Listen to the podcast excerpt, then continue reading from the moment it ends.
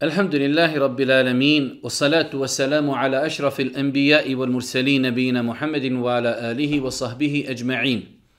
Rabb ishrah li sadri wa yassir li amri, wa ahlul uqdata min lisani yafqahu qawli. Dvijeste uzišenom Allahu tebarake wa ta'ala, salawat mili selam na Allahu kusanika. Allahu Minnika Muhammed alihi salatu wa salam, ja gučasnu porucu uzor te ashabi sve ljude koji slijedi putistinu i dana. Uvaženi vraću i poštovani sestre, uvaženi prisutni, evo nas u još jednu emisiju u kojoj se družimo sa vašim pitanjima i vašim dilemama. Ovo je naša 69. emisija u kojoj pokušavamo da odgovorimo na što veći broj vaših pitanja i dilema koja dolazi na naš e-mail. Kazali smo mnogo puta i ponavljamo zbog onih koji nisu došli na red da jednostavno desetine, stotine pa i hiljede, vjerujte da hiljede e-mailova ima na našoj adresi koje nismo uspjeli ni otvoriti. Tako da, u granicama naše mogućnosti mi evo uveli smo dva termina sedmično u kojima odgovaramo na vaša pitanja. Prvo pitanje, da li žena kada je u mogućnosti da pristoji džuma mazu, sve obavlja na isti način kao muškarac ili ima neke iznimki? Ne, ne postoje nikakve iznimke.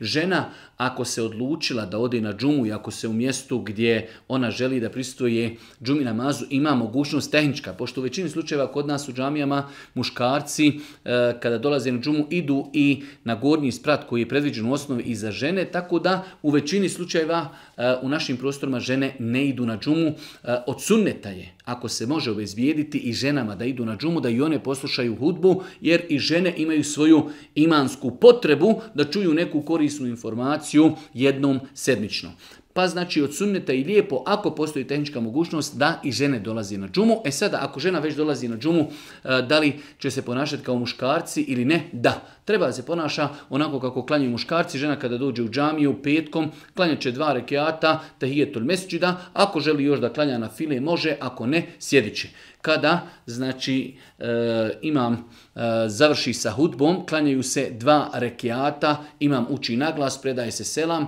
to je ono što e, bi čovjek trebao da zna. Nakon džume mogu se klanjati dva rekiata, mogu se klanjati četiri rekiata na file i time se e, završava e, ibadet džume. Tako da rezimiramo e, lijepo i pohvalno da žene prisustuju džuma namazu od vremena Božijeg poslanika ali se letu selam za vrijeme Božih poslanika žene su prisustvovale džumi namazu.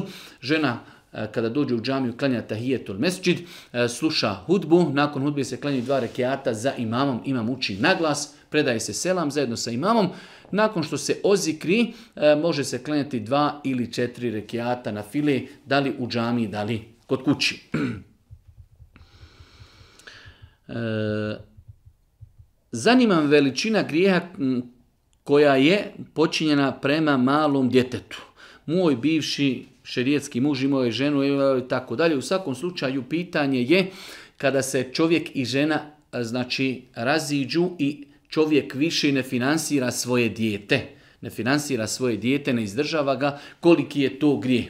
E, Allahu poslanik ali se u sramu vjerodostojnom hadisku koji bilježi ima muslim kazao je kefa bil mar'i ithmen en en jahbise ammen jemlike kutehu dovoljno je kaže čovjeku grijeha Znači kada čovjek ne bi imao drugi grijeh na sudnjem danu, osim taj grijeh da je se sustegnu od finansiranja, i obezbjeđivanja hrani, odnosno onoga što je obaveza za osobe koje su njemu na teretu, čiji on je, čiji on je e, hajde da kažemo, e, i nadzornik i staratelj, dovoljno mu je to grijeha na sudnjem danu. Tako da, e, koliki je to grije da, da kažemo, da li je to nešto što potpada pod velike grijehe ili je to na nekom stepenu manje grijeha, ali je dovoljno da je Allahov poslanik posebnim hadisima ukazao na veličinu i opasnost grijeha da čovjek ne ispunjava svoje obaveze u pogledu izdržavanja osoba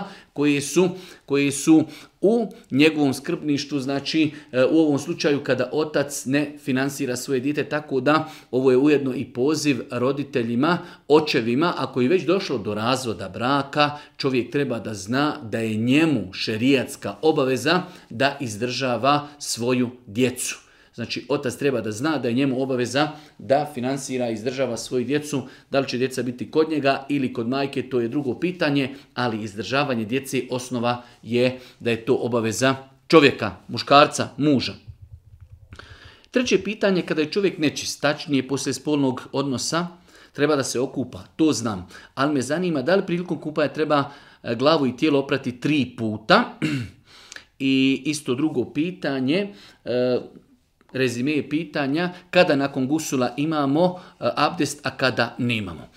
Eh, kada je u pitanju kupanje, eh, treba čovjek da se okupa na način da je njegovo cijelo tijelo pokvašeno vodom. I to je ako Bog da dovoljno. E, mi znamo kada se čovjek abdesti, može abdest naći da operi svaki dio jednom, dva put, tri put. E to nije propisano kod gusula. Čak su neki učenjaci kazali da je pokuđeno da čovjek okupa se jednom, e sad idem se okupati još jednom, idem se okupati još jednom, to je pokuđeno e, po mišljenju određenih učenjaka, ako ništa zbog prosipanja vode. Tako da nema potrebe da čovjek znači ponavlja gusul. Već znači okupat će se jednom, sklasiti cijelo tijelo e, vodom i ako Bog da njegov gusul je e, znači ispravan i validan. E sada, e, imamo drugo pitanje, to je kada čovjek nakon gusula e, ima abdest. Rekli smo nekoliko puta, ako se uvjeti, ako se čovjek kupa od džunupluka, ili žena od hajza ili mjesečnici. Znači, to je prvi uvjet da se čovjek ili žena kupaju od nečega što ih je činilo džunup stanje. E, s druge strane, da uzmu, a, da uzmu gusul onako kako je to činio Boži poslanik ali se selam, a on je to činio način da, da bi na početku prvo oprao ruke, pa bi oprao e, znači, spolni organ i ono što se onečistilo oko spolnog organa, nakon toga bi ponovo oprao ruke, nakon toga bi uzeo potpuno abdest i nakon toga bi se istuširao u takvoj situaciji ako čovjek se tako okupa i u toku gusula ne izgubi abdest tako što će pustiti vjetar ili mokriti ili možda dotakiti spolni organ, ako nije uradio ništa od tih stvari, on nakon tako uzetog usula ima abdest. Četvrto pitanje, ako se ne varam, pročitala sam na vašem profilu, oklanjanju namaza nakon sabaha namaza eh, i do prije podnije. Kako se taj namaz zove i kakva je korist isklanjanja tog namaza? E, kazali smo mi, pisali smo o tome i govorili smo više puta, u periodu kada sunce izađe, znači nekih 15 do 20 minuta nakon izlaska sunca, nastupa vrijeme duha namaza. Taj namaz na bosanskom jeziku e, i na arapskom jeziku se zove duha.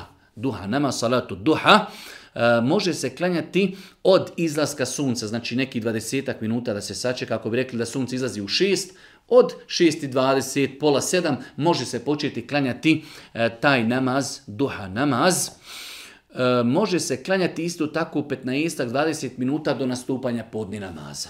Znači sav taj period, ako bi rekli da je podni u 12, od, arek, ako bi sunce izlazilo u 6, od pola 7 do pola 12 kada god imamo vremena možemo e, znači klanjati e, taj namaz duha namaz. Allah poslanik ali se ratu sram izrekao je nekoliko hadisa u kojima govori o vrijednosti duha namaza. U nekim hadisma je spominjao da čovjek treba u toku dana da da na svaki zglob 360 zglobova ima u ljudskom tijelu, da na svaki zglob treba dati sadaku ali to se zamjenjuju dva rekiata duha namaza.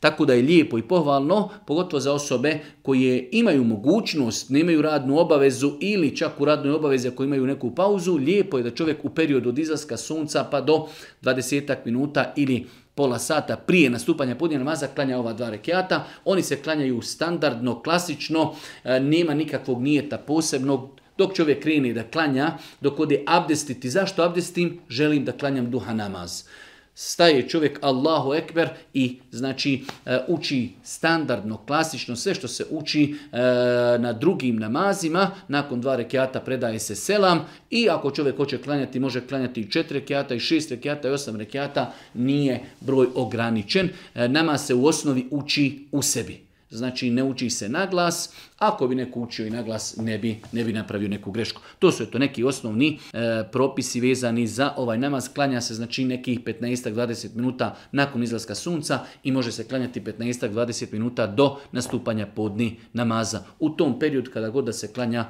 inšala to je dobro i ispravno.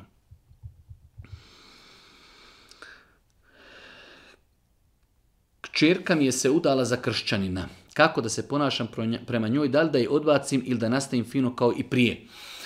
E, udaja muslimanke za nemuslimana je zabranjena prema konsenzusu islamskih učenjaka. Znači, brak sa nemuslimanom je batil, neispravan i svaki intimni kontakt sa tim muškarcom je blud.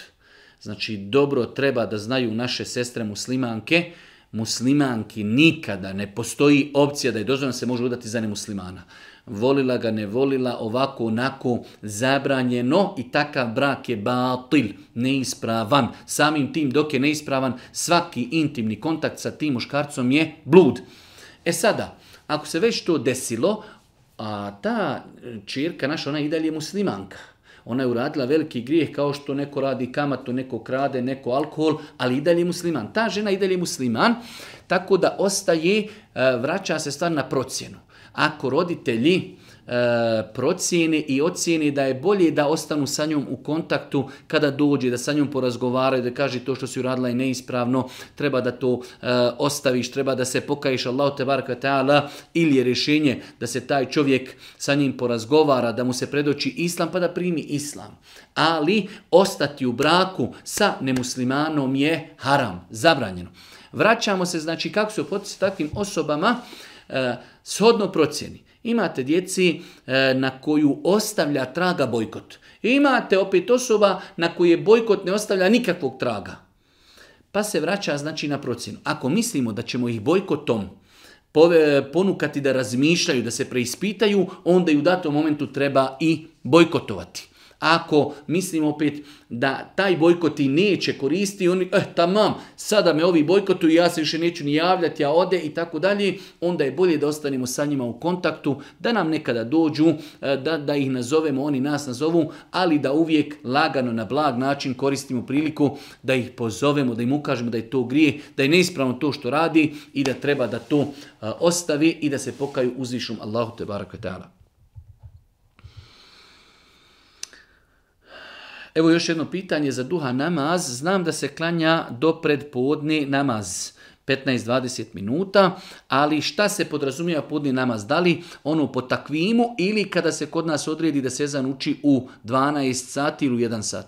Znači imamo ljudi koji hoće da klanju duha namaz, a kod nas znate kako vrijeme podni namaza je fiksno, ili u 12 ili u 1, a nekada podni namaz nastupa u pola 12 ili u pola, u pola jedan. E sada, do kada mi možemo klanjati duha namaz? Mi gledamo na nastupanje namaskog vremena, a ne na to što smo mi fiksirali pa sezan uči u 12 ili u 1. Pa ako primjer radi podni nastupa u pola 12, a ezan se uči u 12, onda mi možemo klanjati e, e, duha namaz do 11 sati jer nastupa podni u pola 12. To što Sezan uči u 12, to je druga priča, tako da znači mi možemo klanjati duha namaz neki 15 20 minuta, pola sata do nastupanja namaskog vremena, bez obzira kada su ljudi fiksirali učenje ezana.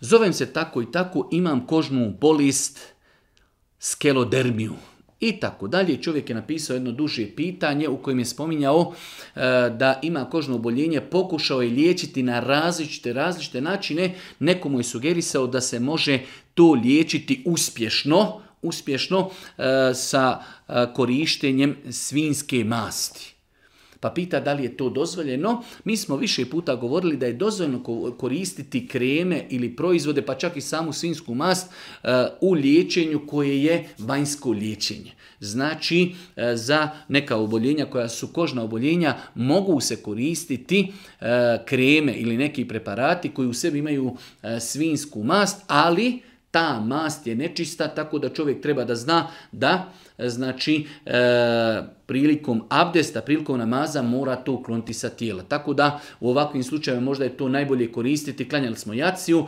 namažimo tu kremu, eh, zamotamo ruke kako ne bi tom kremom onečistili možda e, posteljinu i sutra opet na saba skidamo zavo, je, skidamo tu kremu, operimo lijepo ruke i nakon toga abdestimo. Tako da kada je u pitanju vanjsko korištenje krema ili drugih preparata koji u sebi imaju svinsku mas dozvoljeni je, je koristiti, ali su oni nečisti, a moramo paziti da time ne dotičemo odjeću. Isto tako prije znači namaza i prije abdesta moramo to sklonuti kako bi naš namaz bio validan. Praktikujem ustajanje u zadnjoj trećini noći pred samu zoru i klanjam noćni namaz i nakon nastupanja zori odmah klanjam sabah namaz i nastavim spavati do ustajanja na posao. Pa me zanima vaše mišljenje da li mi je bolje ovako klanjati noćni namaz i sabah u kući ili ići u džamiju i klanjati sabah u džematu. E, ovdje imamo znači pitanje, jedan brat ustaje na noćni namaz i kada nastupi sabah namaz odmah klanja sabah, legni malo još odspava i nakon toga ide na posao. E, ne može stići, znači ovako kad bi klanjao noći namaz, ako ode još i u džamiju dok se vrati, ne bi mogao još malo odspavati i vjerojatno mu je to poteškoće. Pa sada pita e, šta da radi. U svakom slučaju, ako je blizu džamije, pošto je bilo učenjaka koji kažu da je odlazak u džamiju, u džemat vađib, e, na većem stepenu je e, ibadet odlaska u džemat nego klanjati noćni namaz. Tako da generalno bolje je, bolje je otići na namaz u džemat nego klanjati noćni namaz. To je znači e, generalan propis. E sada, možemo mi pomiriti između ova dva stava da čovjek klanja noćni namaz u početku noći. Znači čovjek će klanjati, ovdje je sav ovaj nazovimo ga problem, pitanje jeste što se u većini džamija u Bosni i Hercegovini e, na sabah namaz klanja pola sata ili 45 minuta prije izlaska sunca, pa tako da čovjek koji klanja noći namaz u zadnjoj trećini noći treba čekat možda ured i sat vremena da znači se klanja sabah u džamiji. Tako da rješenje je da se klanja noćni namaz za osobe koje imaju posao, imaju obavezu, poslijaci. Poslije jacije prije što čovjek krene spavati, ako jacija u 10, krenuo je spavati, ne znam, u pola 12, klanjat će koliko mu Allah olakša noćnog namaza, leći spavati i naštima će sahat da ustane, da abdesti i da klanja namaz u džematu, u džami. Ovo govorimo o situaciji ako čovjek je blizu ako je čovjek blizu džamije i od onih je koji potpadaju pod obavezu džemata. Ako nije od e, osoba koji potpadaju pod obavezu odlaska u džemat, onda može ostati na ovoj svojoj metodi da u zadnju trećinu noći ustane klanja noći namaz, onda kada bude siguran. Ovdje je veoma bitna kvaka, kada bude siguran da je stupio namaz sabah, pošto e, postoje jaka razilaženja u pogledu određenih e, takvima i vaktija, da li, da li klanjati odmah na početku namaskog vremena, ja lično sam stava da je najbolje da se od nastupanja sabah namaza po takvimu sačeka nekih pola sata, tek nakon toga da se klanja sabah, ali u svakom slučaju po ovoj metodi, znači ako insanu nije obaveza da ide u džamiju, ako negdje stanuje daleko od džamije, ako negdje živi u Europi gdje nema džamija, onda može ustati u zadnjoj trećini noći, klanjati noćni namaz, sačekati nastupanje sabaha i klanjati sabah.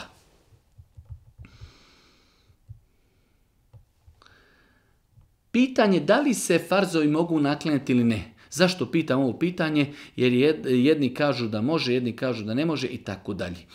E, mi smo stava i više puta smo govorili o tome da se farzi ne mogu naklanjavati. Osim u slučaju da je čovjek zaboravio ili prespavao. To su dvije situacije koje su spomenute u Hadisima Božeg poslanika, ali se letu selam, ako čovjek prespava namaz ili zaboravi. Jednostavno čovjek je radio nešto, imao je obaveza i pogleda, zaboravio klanjati podne, nastupla i kindija tada će naklanjati taj namaz, kao što je došlo u vjerodostojnim da je Allah poslanik e, dozvolio i preporučio da čovjek koji je prespavao ili zaboravio na namaz, da će tada naklanjati. Ali čovjek, znači na poslu, svijesta, namasko vrijeme prolazi, on ne i nakon toga da to klanja kod kući, e, gubi se svrha toga da je namaz nam, e, vremenski ograničena obaveza. Svaki namaz ima početak i kraj. Mi ćemo klanjati onda kada možemo u namaskom vremenu, ali ako je namasko vrijeme prošlo, to je veliki grijeh, treba se za njega pokajati, Allah najbolji zna naklanjavati namaze, farze, nije propisano. Da li, da li nam je dozvoljeno da knjige koje knjigu ili knjige koje imaju u sebi hadise na arapskom da ih čitamo bez abdesta? pitanje da li se mogu učitati knjige u kojima imaju hadisi na arapskom jeziku, kao što je Buharija koji je štampan, znači imamo i arapsku verziju i bosansku verziju, da li se takve knjige mogu učitati bez abdesta? Apsolutno da. Apsolutno da. E, mi smo toliko tolerantni da čak ako ima i potreba da čovjek dira i uči Kur'an držeći Musa bez abdesta, ja sam stava da ne postoji jasan i vjerodostojan dokaz koji nas obavezuje da moramo imati abdest kada učimo Kur'an iz Mushafa. Svakako da je lijepo i pohvalno to da, ali obavezati ljude da moraju imati abdest, E, Allah najbolje znane, postoji takav dokaz i mislim historijski gledano da je to bio jedan od razloga da se ljudi odaljili od mushafa, od učenja Kur'ana. Zašto? Zato što ne diraj mushaf, moraš biti pod abdestom, moraš biti pod abdestom i tako dalje. Znači čovjek kada je u autobusu, putuje u avionu, nema nikakve smetnje da i bez abdesta uzmi mushaf i uči znači Kur'an, a da ne govorimo da je to dozvoljeno, znači mnogo prioritetnije da čovjek uči sa mobitela, sa laptopa, sa iPada i tako dalje. Sve je to uz pomoć dozvoljeno. Tako da rezime odgovora je nema nikakve smetnje učiti, čitati knjige u kojima imaju hadis Božih poslanika, makar oni bili i u arapskoj verziji, a mi nemamo abdest. Dozvoljeno. 11. pitanje. Da li je potrebno prije klanjanja noćnog namaza da se uči i kamet? Nije propisano da se prije učenja, e, prije početka tanja noćnog namaza uči i kamet. I kamet se uči e, za farze samo za farze, čak i kad čovjek klanja na filu kod kući, ako klanja duha namaz ili ako klanja sunnete e, prije, prije farza ili poslije farza, ne uči se i kamet i kamet se samo uči za obavljanje farza. Više puta smo govorili da je to prvenstveno propisano za klanjanje u džematu. E, muškarci kada klanjaju pojedinačno, lijepo je da prouči i kamet. E, žene kada klanjaju pojedinačno, nema potrebe da uče i kamet, a ako se nalazi grupa žena, gdje nema muškaraca, nema smetnja, ako Bog da, da i one prouči. I kamet da se zna, da nama se uspostavlja, da se žene posafaju i tako dalje. Tako da eh, i kamet se ne uči prilikom ustajanja i početka klanjanja noćnog namaza. 12. pitanje. Mm, javljam se s pitanjem vezanim za sihr.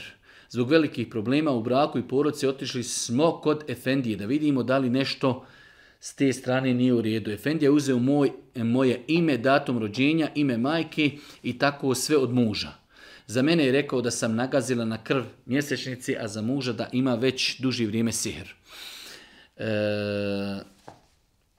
ovo je neispravan način ustanovljavanja bolesti. Ja sam zbog toga i odabrao da odgovorim na ovo pitanje. Kada god odete negdje na liječenje i nekom kaže daj mi ime, prezime, ime majke, ime oca, bježite od te osobi. Znači, ispravan učač ruke ne pita za ime i prezime roditelja ni datum rođenja ništa. Znači, to je jedan od pokazatelja da taj insan ne liječi na ispravan način. Evo, ja sam čovjek i došao mi je neko hoće da ga liječim. Kako ću ja saznati da je neko e, ima problema sa sihrom zato što je nagazio na neku mjesečnicu, e, krv od mjesečnice i tako dalje? Nemoguće da to ja znam osim da čovjek sarađuje sa džinima i šetanjima, pa na osnovu imena, datuma, džini i šetanji mu kažu e, neke informacije koje mogu biti tačne, a u 99% slučajeva su netačne. Tako da, e, zbog toga sam citirao i odgovorio na ovo pitanje, neispravno je odlaziti na liječenje kod ljudi koji traži ime, prezime, datum rođenja, ime majke, ime oca. Kod takvih ljudi ne treba ići i ne treba ih pitati i ne treba im vjerovati liječenje Kur'anom je da čovjek ode kod osobe koji ispravno uči rukju, prije toga sam sebi čovjek može učiti rukju, ali ako već ne zna ili ne može, onda da ode kod osobe koja samo uči Kur'an. Svakako, zemzem je dozvoljeno koristiti, dozvoljeno koristiti med, dozvoljeno koristiti rekuti i tako dalje, ali kada je u pitanju konkretna rukja, učenje samo Kur'ana, bez podataka ko ti je mati, ko ti je otac, kada si rođen, ništa.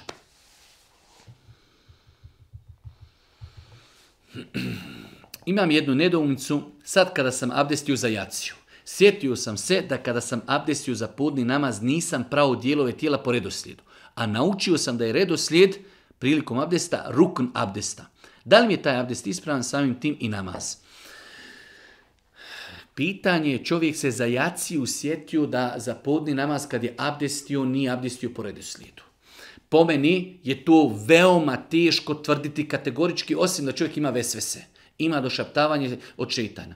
Kako neko može kategorički tvrti, a sad sam se sjetio, pa zašto se nisi odmah sjetio na pudi mazu, da ti ne, ne abdestiš po redoslijedu i da odmah uradiš korekcije. Tako da, e, znači, ovakva pitanja u većini slučajeva dolazi od ljudi koji imaju e, vesvese, došaptavanje i na to se ne treba osvrtati. Islamski učenjaci kažu osobe koje imaju problema sa vesvesama, kada završi ibadet, nikada više ne ponavljaju ibadet i ne osvrću se na došaptavanje.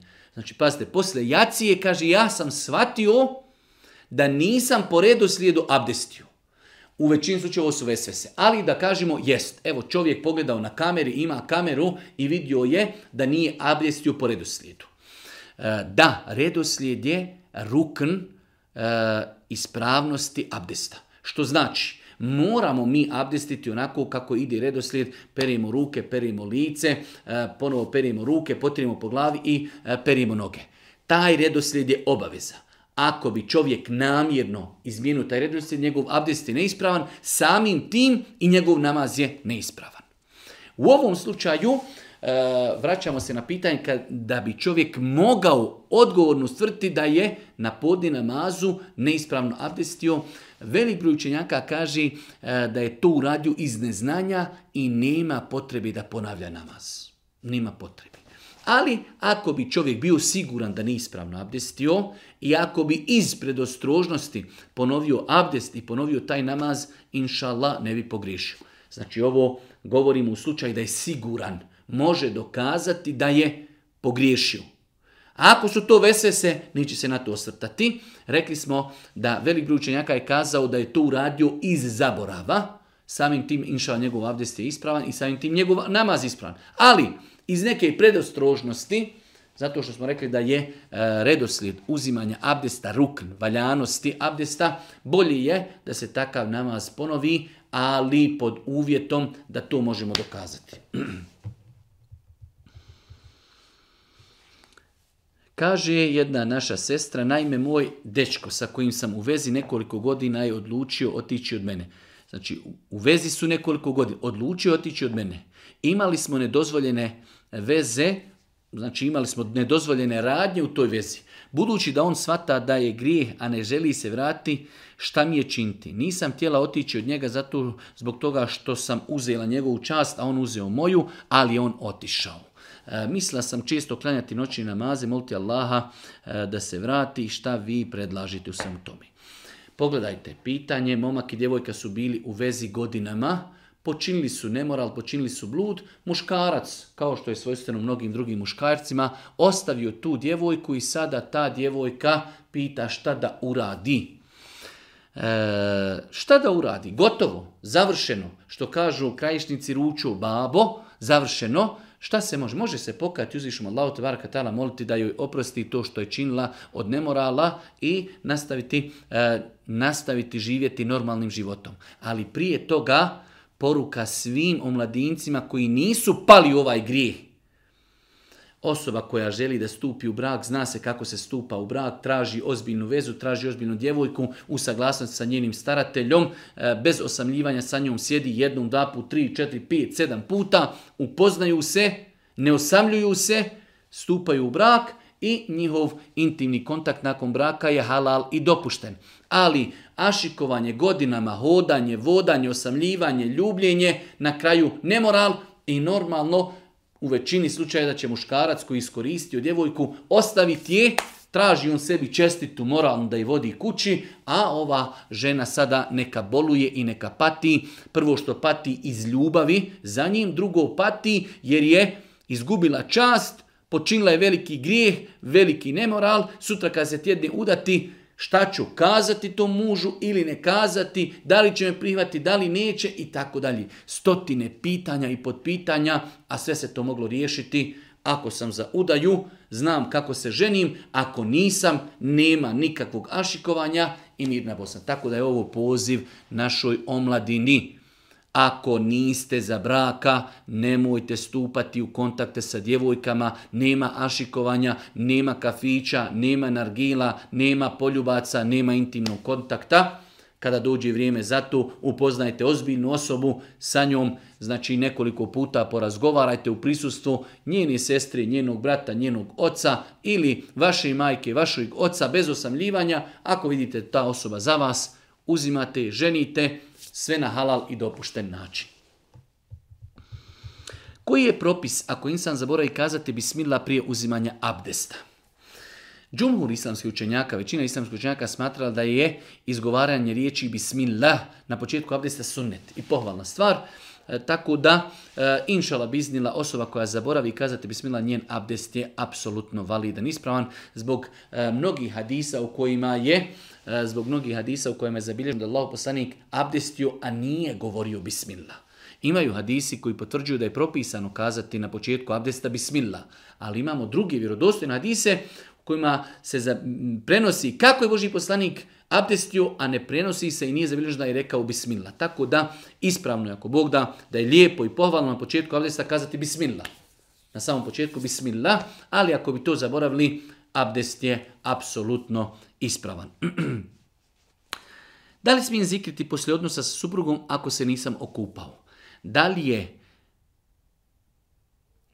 uvjet za ispravnu Allah da čovjek bude čist, da nije džunup, nije uvjet. Svakako da je lijepo ako čovjek može da se okupa, ali znači zikrullah je jedan jednostavan, lagahan ibadet, da čovjek znači do te mjere ne mora biti pod abzom, čak i u džunup stanju, znači može može e, da spominje uzvišnog Allah tebaraka ta'ala kao što je došlo u vjerodostojnim da, da su za Božijeg poslanika govorili kaže kane jezkurullaha ala kulli e, ahvalihi au halin poslanik bi spominjao Allaha subhanahu wa ta'ala u svim svojim tim nekim životnim situacijama svakako to izuzma samo boravak u toaletu ili nešto slično tome ali u protivnom znači ako insan da kažemo u džunup stanju nema vremena trenutno da se okupa slobodan je želi da veliča Allaha wa alhamdulillah, Allahu Ekber, Allahumma salli ala Muhammedin wa ala Muhammed. Sve te stvari su, ako Bog da, dozvoljene i nije uvjet da bi zikr, zikrullah bio ispravan i e, znači validan, da moramo biti čisti od džunupluka. Onaj ko može da se okupa, svakako da je pohvalno i lijepo. Ako si u prošlom braku bio šerijetski vjenčan, kako se razvesti i kako to ide. Udata sam sada i drugi mi je brak. Vjenčana zakonski, šerijetski nisam. Jer ne znam kako sada to ide ako si prije bio vjenčan. Možda je glupo pitanje, ali moram biti. Nije glupo pitanje, mnogo bitno pitanje. Nažalost, pisali smo o tome i govorili smo o tome u zadnje vrijeme, pogotovo putem interneta, žene koje su udate, nađu u sebi drugog čovjeka i udaju se bez da su riješile svoje stanje i pitanje u prvom braku. Haram je, Neispravan je brak udati ženi da se uda za drugu osobu. Znači žena koja se udala, šerijetski vjenčana, ona mora završiti prvu svoj taj prvi brak, odčekati priček koji je definisan jasno islamom shodno vrsti žena, da li je trudna, da li nije trudna, da li ima mjesečnicu, da li nema mjesečnicu i tako dalje, da li je mlađa, da li je starija, da li su imali intimni kontakt, da li nisu. Sve su to situacije u kojima žena može biti i priček se razlikuje od situacije do situacije. Ali prije toga žena mora biti razvedena. I mi smo kazali da postoji tri načina kako se može bračni ugovor prekinuti. Ili klasičnim razvodom da čovjek razvede svoju ženu, ili sporazumnim razvodom da žena sporazumnom čovjekom da on kaže vidi primjer radi ti si meni dužan dati 2000 maraka ili eura moj mehr, ja odustajem od tvog mehra, ali molim te da me razvedeš i oni razvede, e, a kao uslugu e, ne moraju platiti njen mehr. I imamo treći način prekidanja braka, to je fesh, prekidanje, da neko prekine nasilu brak, ali kada postoji šerijetski validan razlog, a muž ne želi da razvede ženu. Jer u osnovi u islamu e, razvod braka je u rukama muškarca. I muškarac nekada čini zulum žene, ali kaže ja ne želim da je razvedem. E u takvoj situaciji žena ide kod kadije, kod sudije i kaže moj muž mi čini zulum, nepravdu, tako i tako, ali ne želi da me razvede. Kadija pozove, on kaže ne želim da razvede, kadija kaže od danas sada si razvedena. Znači to radi u islamu. Kadija u mjestima gdje nema znači kadija ili islamski sudija, onda kažu islamski učinjaci to može preuzeti na sebe institucija koja vodi e, stanje i evidenciju muslimana u našim prostorima, to je islamska zajednica, po Evropi to su islamski centri ili u nekoj najnižim levelu, e, ako nema islamskih centara, nema institucija, onda to može uraditi veliki učenja koji se ne poigrava sa takvim pitanjima. Pa znači, ne može žena stupiti u drugi brak dok prvi brak ne završi na jedan od tri spomenuta tri načina. Nakon toga čeka priček, nakon toga se udaje. Isto tako udavanje za drugu osobu nakon što smo ispravno završili, nakon što smo priček sačekali, mora se osoba šerijetski ispravno vjenčati. Nemojte se poigravati da stupate u brak bez vjenčanja, bez staratelja, bez svjedoka, bez mehra i tako dalje. Znači, e, općinsko vjenčanje nije dovoljno da bi čovjek i žena bili u halal braku. Ovo moramo zapamtiti. Općinsko vjenčanje je vjenčanje u kojem čovjek postiže svoje privilegije da ima e, vjenčani list, e, porijeklo, djeca, upisivanje i tako dalje. Općinsko vjenčanje nije dovoljno da bi čovjek imao šerijetski validan ispravan brak. Nemojte se poigravati sa takvim pitanjima. Allah vam dao svako dobro. Da li su moji namazi validni ako ne znam arapsko pismo? Reče mi jedan da nisu pa da provjerim. Pazite, teško je kazati nekome da njegov namaz nije validan, ali insan koji ne zna arapsko pismo treba da se potrudi da nauči ispravno izgovarati riječi koji se izgovaraju u namazu, jer u arapskom jeziku imamo skoro desetak harfova, slova koja nemaju, ne postoje u bosanskom jeziku. I mi ako učimo znači klanjati namaz, a ne znamo sufaru, ne znamo arapski jezik, Postoji velika vjerovatnoća da određene stvari neispravno izgovaramo. Ali, opet, teško je kazati da je nečiji namaz neispravan. Već treba kazati ljudima, podučite se, pazite, opasno, opasna stvar je upit, pogotovo kad su u pitanju temelji, ruknovi namaza, kao što je primjer radi učenja fatihe učenje tehijatu i mnoge druge stvari, obavezni zikrovi, E, znači, e, te stvari se moraju ispravno naučiti. Osobe koje možda imaju određene poteškoće ili i ne znaju, treba da se dodatno potrudi, da odvoje dio svog života, da se poduči sufari, da se ispravno poduči izgovaranju e, znači onoga što je obaveza u namazu.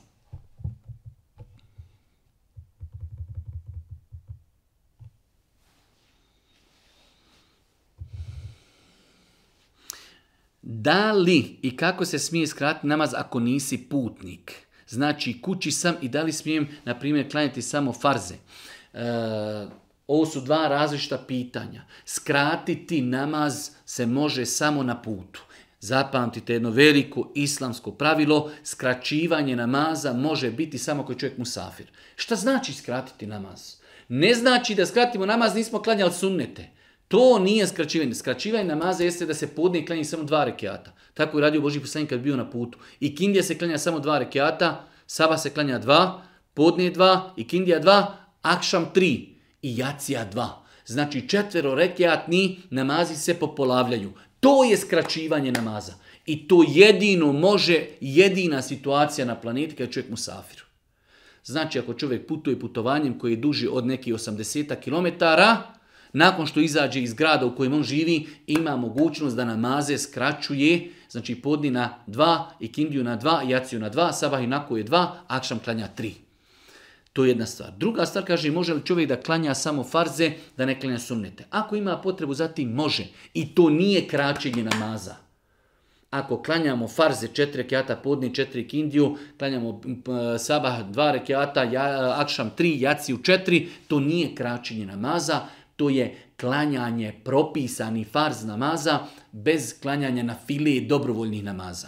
Pa su to dva različita potpuno termina. Nikada ne možemo kratiti namaz osim na putu, a izostavljati sunnete možemo i na putu i kod kuće. Bitno je da klanjamo farze, a sve uz što to ide dodatno da klanjamo e, znači sunnete, potvrđene sunnete na filu, sve je to dobro, ali nije obaveza, zato se i zovu dobrovoljni namazi na fila.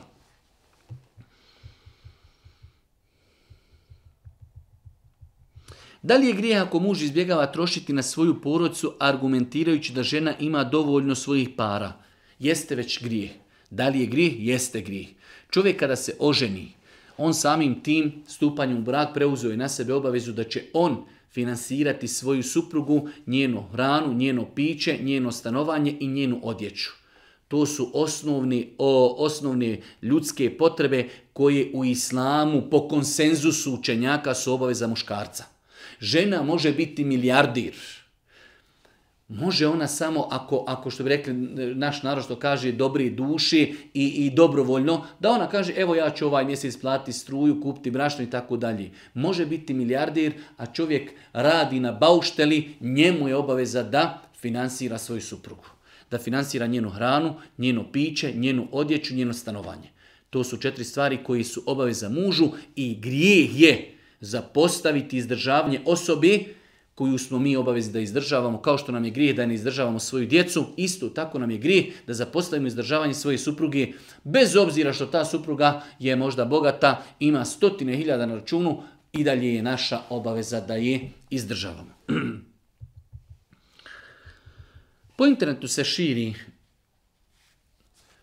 post u kojem stoji da je neispravno da čovjek uči dovu posli nakon što uči etahijatu i salavate, da uči Rabbena Atina Fidunja Hasene i da to uči kontinuirano. Allah najbolje zna, e, nema smetnje, čak i kontinuirano učiti tu dovu Rabbena Atina fi hasene hasene fil ahireti hasene nar, bitno je da čovjek nije ubijeđen da tada mora učiti tu dovu i da ona na tom mjestu ima posebnu vrijednost. Ali Boži poslanik ali se ratu se kazao nakon što se prouči tehijatu, nakon što se prouči salavat, nakon što se prouči doma, kaže nakon toga neka čovjek odaberi dovu koja se njemu sviđa i odgovara. Meni odgovara da neprestano učim eh, Rabbenatina fi dunja hasene fil Zabenar. Nema smetnje kontinuirano učiti tu dovu, ali nema nikakva posebnost što i tada učimo, niti postoji posebna nagrada, već je to nešto što nama odgovara i mi znamo tu dovu. Inšala, osoba koja nakon e, e tehijatu i selavata uči kontinuirano tu dovu, e, znači, a nije ubijeđen da je to mora, niti je ubijeđen da ima posebna nagrada, zato on, ako Bog da nije napravio ništa zabranjeno i sporno u islamu. Da li, ćemo da li ćemo odgovarati na sudnjem danu za ružne misli? Da li ćemo na sudnjem danu odgovarati za ružne misli? E, generalno u islamu se ne odgovara za misli i čovjek nije griješan za ono što mu prolazi kroz misli. Znači šetan mu nešto došapni, čovjek neće biti odgovoran sve dok nešto ne progovori ili nešto ne uradi, znači shodno tim mislima. E sada, imamo jednu drugu stvar, a to je jedna situacija da se čovjek prepusti lošim mislima. To već je jedna druga stvar. Znači čovjek E, ne znam, naiđe pored ulice i nešto mu šeta, doša, došapne, pogledao je nešto jer čovjek kaže uzbila mi na rađim, vidi da je to loša misao i to ignoriši. Ali je druga stvar da se čovjek prepusti lošim mislima. Sjedi čovjek razmišlja da ukradem, da počinim nemoral, da uradim ovo, da uradim e, ono. To već može biti veliki korak ka ostvarenju toga o čemu čovjek razmišlja. Ne kažemo da je to grijeh, ali je to jedna veća stepenca od loše misli koja je čovjeku samo naletila. Naleti nešto šitan ti došapni, od toga se ne može niko sačuvati.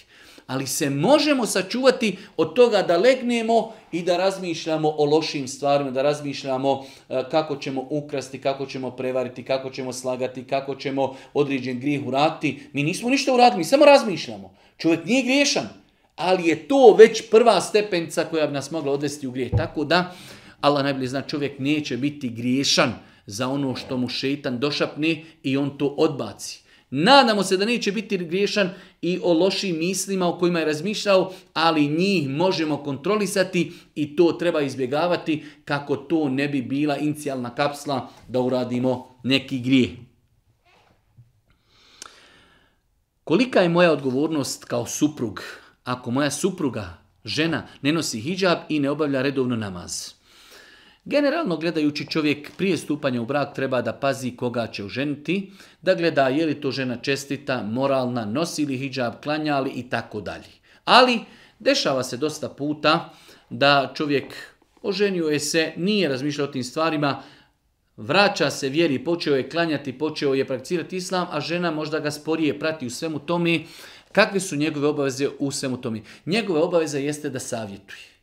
Znači da savjetuje na blag način, shodno vremenu i prostoru i situaciji. Ne, ne daj Bože da bude prekomjerno, navalno, da postigne kontraefekat. Ali već je oženjen, već živi sa tom ženom, ona se deklariše kao muslimanka, možda klanja ponekada i tako dalje. E, možda je i voli, možda je i voli, možda imaju djecu, Šta je rješenje? Rješenje je na lijep način, e, ženo Allah te nagradio, evo hadis, evo ajet, trebala bi se pokriti, zašto redovno ne klanjaš, e, evo imaš vremena, ostavljanje namaze je veliki grije, hajmo zajedno obuci, idemo u džamiju da klanjamo jaciju, pa ćemo prošetati, pa ćemo na sladoled. Znači, lagano, savjet, predavanje, knjižica, letak, poklon, kupi sestri kupi ženi e, mahramu, kupio i mushaf kupio i nešto što će je e, znači asocirati i, i odvesti u tom pravcu. Tako da ono što čovjek može, njegov emanet je da savjetuje. To je ono što on može u datom momentu da uradi. Posljednje pitanje u ovoj emisiji. Novi sam u vjeri. Tek odnedavno praktikujem vjeru, klanjam svih pet vakata namaza, elhamdulillah. Imam jedan problem kada abdestim ja potirem i vrat vlažnim rukama. Pa neki kažu da da je to u redu, a neki kažu pa nije. Šta je u svemu tome tačno? Tačno je da potiranje po vratu e, je bespotrebno. Nema potrebe da se potire po vratu. osnovina hadisi koje zabilježu imam i Buharija i Muslim ne e, spominju da je Boži poslanik prilikom abdesta potirao vrat. E sada, e, u ovom slučaju ako je insan novi, e, možda tako naučio, možda od malena, nadamo se da nije griješan što to radi, ali treba se lagano E, kontrolisati i izbacivati to prilikom abdesta, pošto postoji hadis da je Allah poslanik se salatu sram e, abdestio i kazao je ovo je abdest kako sam ja abdestio i e, poslanici prije mene ko nešto doda na ovo, on je učinio zulum i nepravdu. Tako da dodavanje potiranja, a znači vrata kontinuirano, može potpadati pod ovaj hadis, tako da je svakako bolje i prioritetnije da čovjek prilikom abdesta ne potiri vrat, a nadamo se kad je u pitanju konkretna situacija da insan koji je početnik možda je tako naučio da nije griješan, ali treba da se odvikava od takvog postupka. Allah subhanahu wa molimo da nas učiti na putu istini, molim ga subhanahu wa da nam bude milostiv na sudnjem danu, da nam podari korisno znanje i na kraju subhaneke Allahumma bihamdike, ešhedu in la ila in wa etubu Oh.